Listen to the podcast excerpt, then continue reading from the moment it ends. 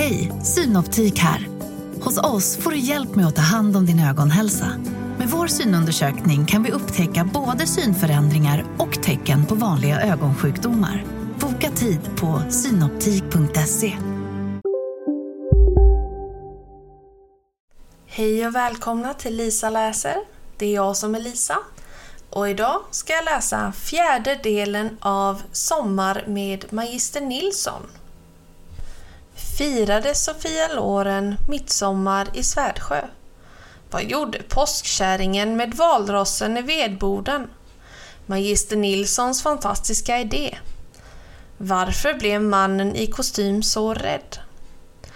Midsommar var sommarens vackraste dag, tyckte familjen Nilsson. Även om det råkade regna den dagen.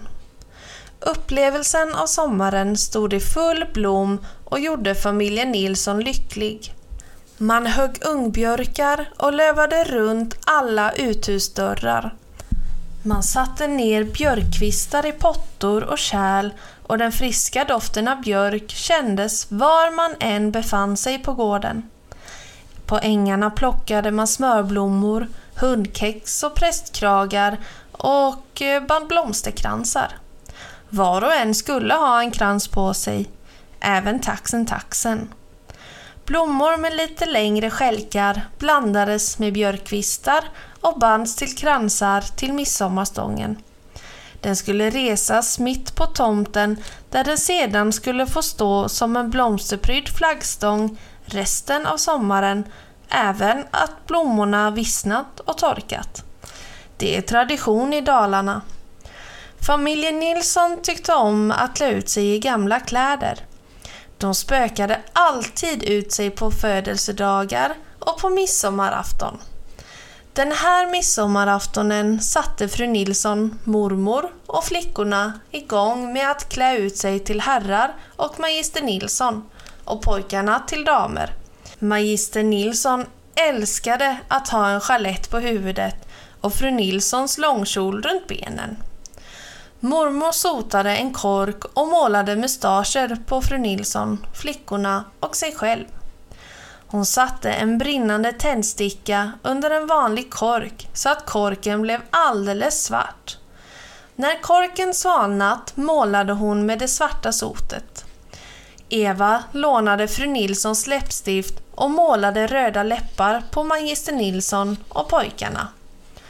Hon prickade också fräknar på deras näsor så att de skulle bli riktigt söta.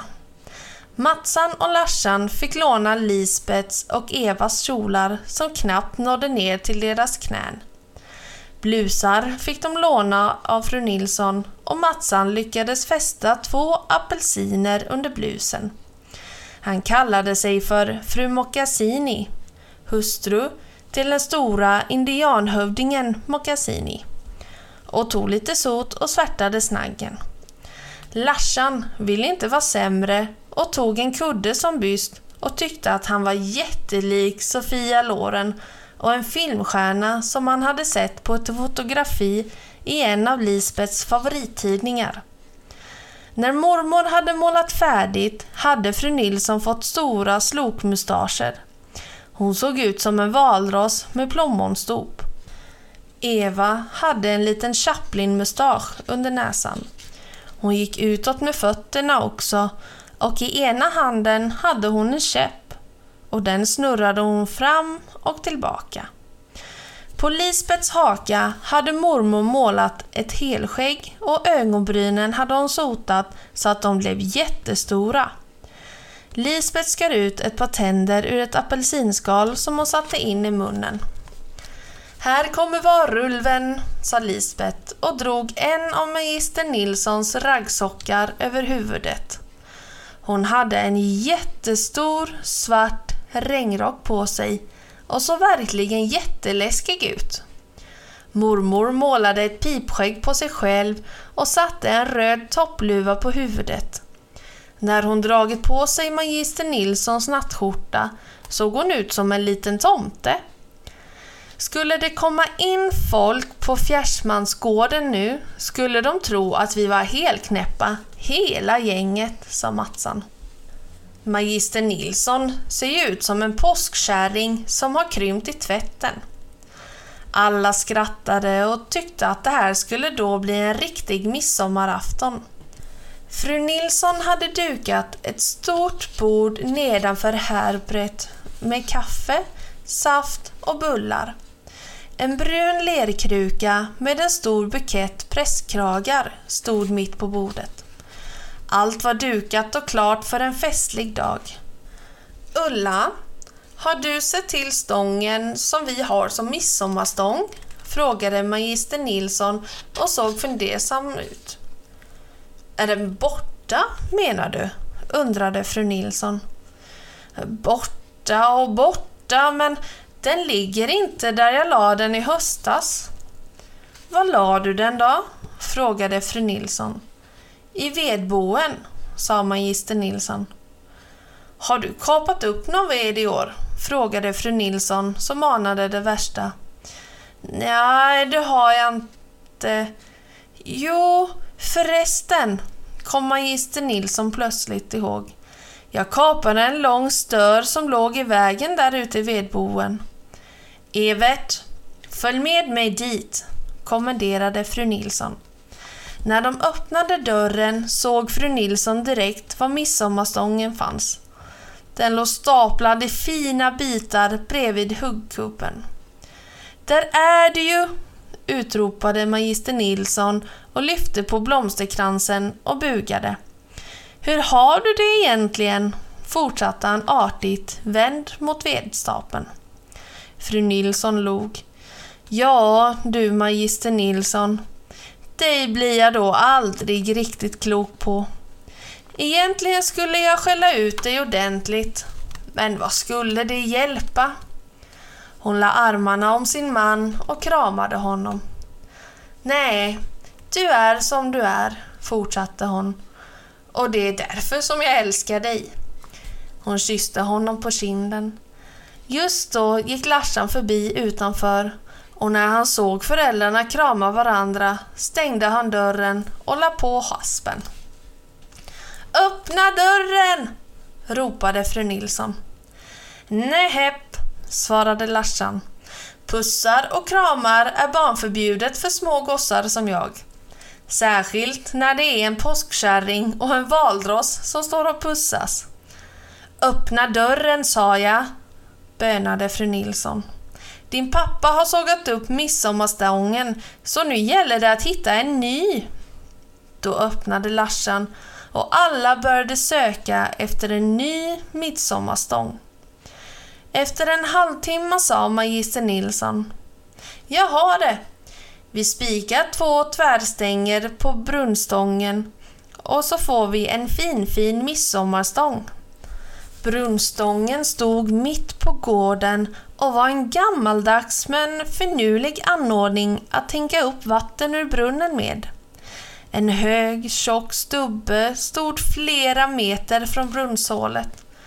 I toppen på stubben fanns en järnbeslagen skåra och i den låg en vippstång vars ena ända låg mot marken och den andra pekade genom skåran nästan sju meter upp mot himlen.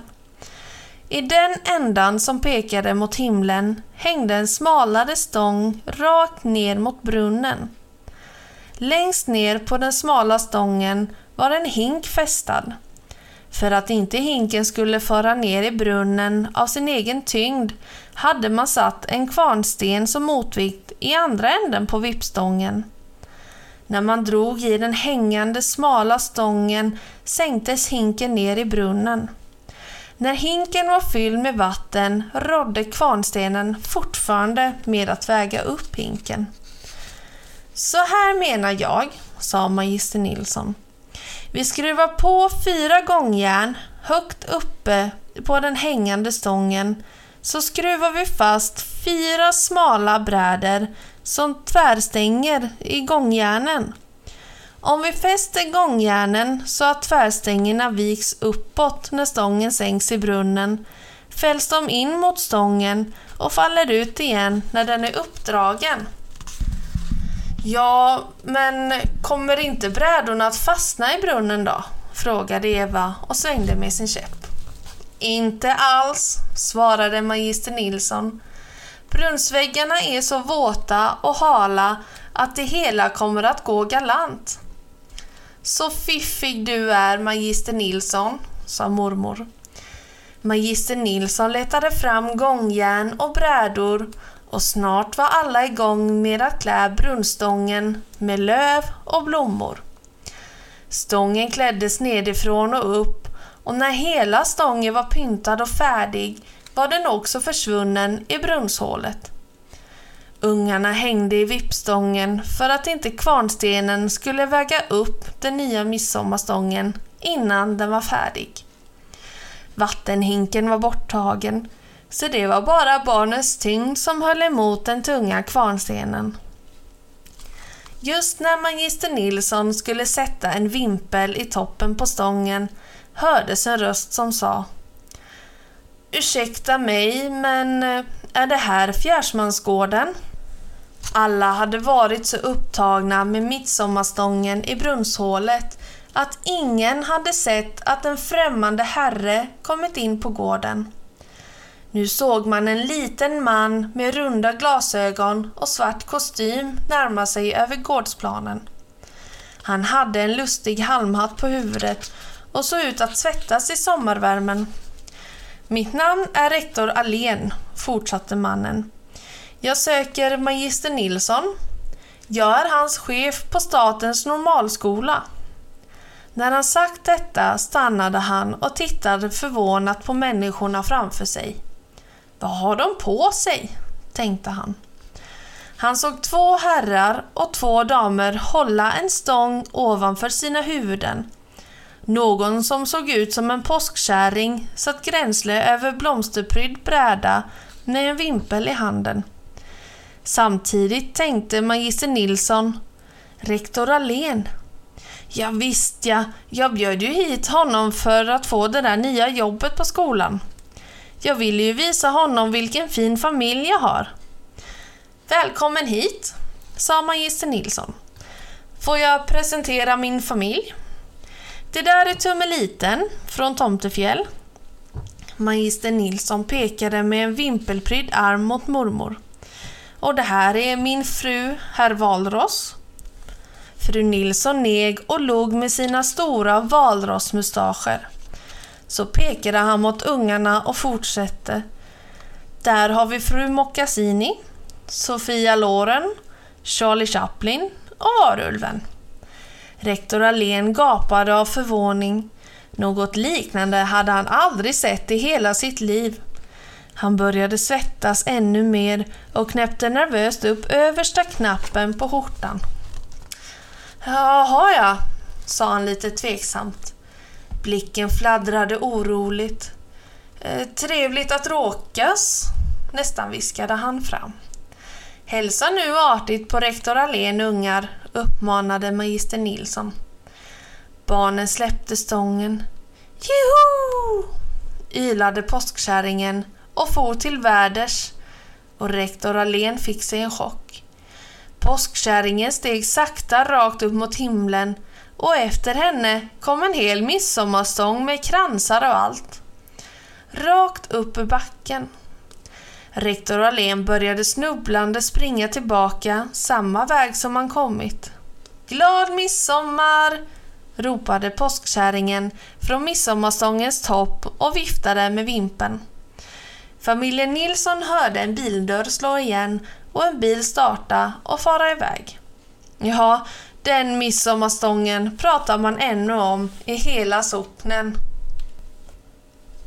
Larsan och Matsan på utflykt.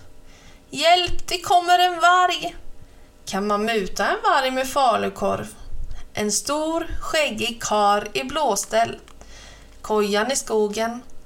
Är blåstället en mördare?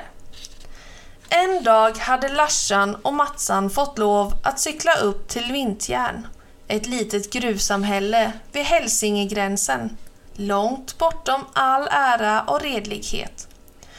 Vägen dit gick genom stora skogar och förbi svarta, djupa tjärnar. Pojkarna skulle leva ett vildmarksliv och tälta på familjen Möllers gräsmatta. De surrade fast sina ryggsäckar och sovsäckar på cyklarnas pakethållare. Efter att ha singlat krona och klave om vem som skulle ha tältet bak på cykeln spände de fast det på Larsans pakethållare och gav sig iväg uppför Vintjärns backar. Det var uppför och uppför i över en mil genom de stora skogarna. Jag visste inte att man kunde cykla till himlen, flåsade Matsan i sommarvärmen. Och tänk, när vi ska hem! Går kedjan av får man väl inte stopp på hojen förrän Hedemora. Det var så brant att pojkarna måste luta sig över styreställningarna för att cyklarna med all packning där bak inte skulle stegra sig och slå runt med ryttare och bagage. När de hade cyklat halva sträckan stannade Matsan tvärt och sa Jag är nödig. Han vände sig mot Larsan. Håll i min cykel så kilar jag in i skogen och sätter mig. Okej då, sa Larsan och klev av. Men du får komma hit med cykeln. Jag måste trycka ner min hoj så att den inte stegrar sig. Så stod Larsan där med båda cyklarna tätt intill varandra. Kuslig trakt, tänkte Larsan och sträckte på halsen för att se om han kunde få syn på Matsan inne bland de kraftiga furustammarna. Men han var som uppslukad av skogen. Då kom den. Den största bäst Larsan någonsin hade sett. Den hade inte fått syn på honom ännu men den spårade och sniffade efter marken. Den stannade några meter framför Larsan. Två svarta, ilskna, rödsträckade ögon grävde sig in i Larsans hjärta. Den morrade dovt och då Larsan såg att den dreglade förstod han att hans sista stund var kommen. Först dödar den mig, tänkte han, och sedan ger den sig in i skogen och tar Matsan. Larsan kom blixtsnabbt på att han kanske skulle klara sig om han släppte cyklarna och klättrade upp i björken som stod vid dikeskanten. Men då skulle ju inte Matsan ha en chans där han satt med brallorna neddragna. Ruff! morrade besten och Larsan vrålade. Matsan! Det kommer en varg! En varg! Larsan släppte cyklarna och sprang som en svetsloppa in i skogen. Bakom sig hörde han skrämmarnas rassel när cyklarna välte. Det kommer en varg Matsan! Spring, spring, spring! Matsans huvud stack upp ovanför en sten. Äh, löjla dig inte. Det finns inga vargar i Dalarna, sa Matsan lugnt. Jo, en, skrek Larsan. Och den står uppe på landsvägen. Larsan gömde sig bakom stenen. Han förstod att odjuret måste vara kvar där uppe eftersom Matsan ännu inte hade sett det. Den är en meter hög minst och raggig och vilka tänder! Den kommer käka upp oss som ingenting. Kom, vi sticker Matsan. Kolla ner dig Larsan, sa Matsan. Är det en varg skulle vi inte ha levt nu. De går till attack på direkten. Vad skulle det vara då? En lokatt va? Det är en lokatt Matsan. Kom vi sticker! Lokatterna dödar ju en älg med en rak höger och sedan släpar de upp eh, med den i en tall och hänger den i en grenklyka. Kom Matsan, kom! bönade Larsan och drog honom i armen. Äh, Ta det lite easy. Det spelar ingen roll om vi lägger på en rem. Är det en lokatt så springer den ikapp oss som ingenting. Det måste vara ett annat djur. Men vad ska vi göra då? Vi får väl gå upp och snacka med den. Var har du korven? Vilken korv? undrade Larsan. Falukorven. Alla djur gillar ju falukorv. Vi kanske kan muta oss härifrån. Den ligger i min ryggsäck, men jag går inte upp dit. Nej, det hade jag ju inte väntat mig. Jag går. Vänta här. Du kan ju passa på att byta blöjor medan jag slåss med vargen, sa Matsan och smög iväg upp mot vägen. Så fort jag hör hans skrik så sticker jag, tänkte Larsan. Eh, och där stod han bakom stenen. Någon måste ju berätta för omvärlden vad som hade hänt. Då hördes Matsans röst. Larsan, du kan komma fram! Det är ingen varg. Det är en jycke. Jag tror det är en schäfer. När Larsan kom upp till vägen stod Matsan och matade besten med falukorv. Det var den läskigaste varg jag hade skådat, sa Matsan och skrattade. Jycken är så gammal att han knappt kan tugga i sig korven. Passa dig du, sa Larsan. Små hundar kan ha stora öron. När den käkat upp korven hugger den direkt. Då hörde de hur någon ropade i skogen från andra sidan vägen.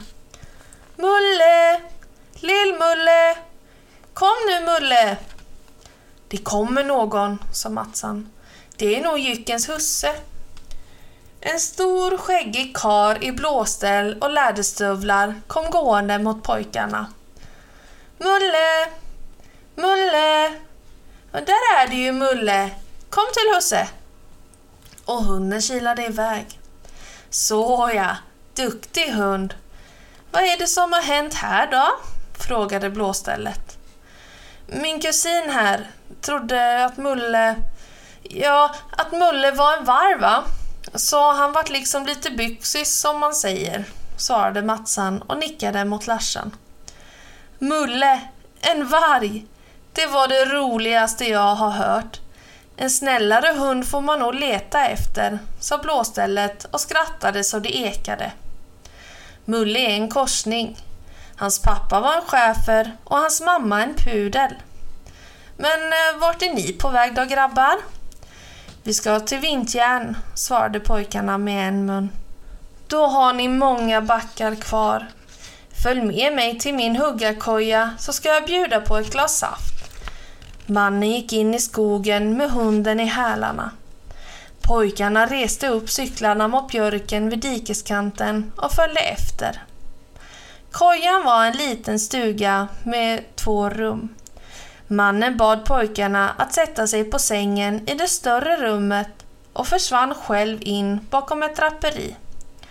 Larsan och Matsan satte sig ner och såg sig omkring. Sängen var obäddad och rummet var väldigt smutsigt. På väggarna hade någon satt upp fotografier på nakna tjejer.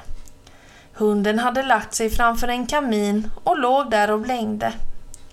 Matsan och Larsan satt alldeles tysta och såg en på hunden en på draperiet.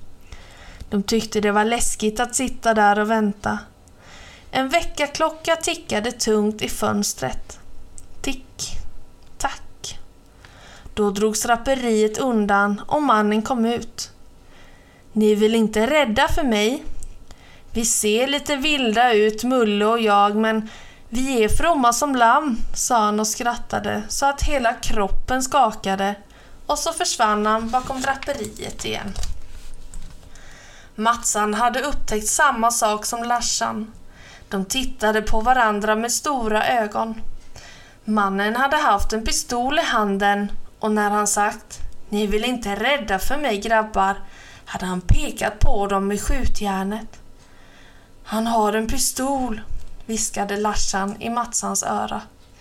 Äh, det var en pipa. Ett pipskaft, viskade Matsan tillbaks i Larsans öra.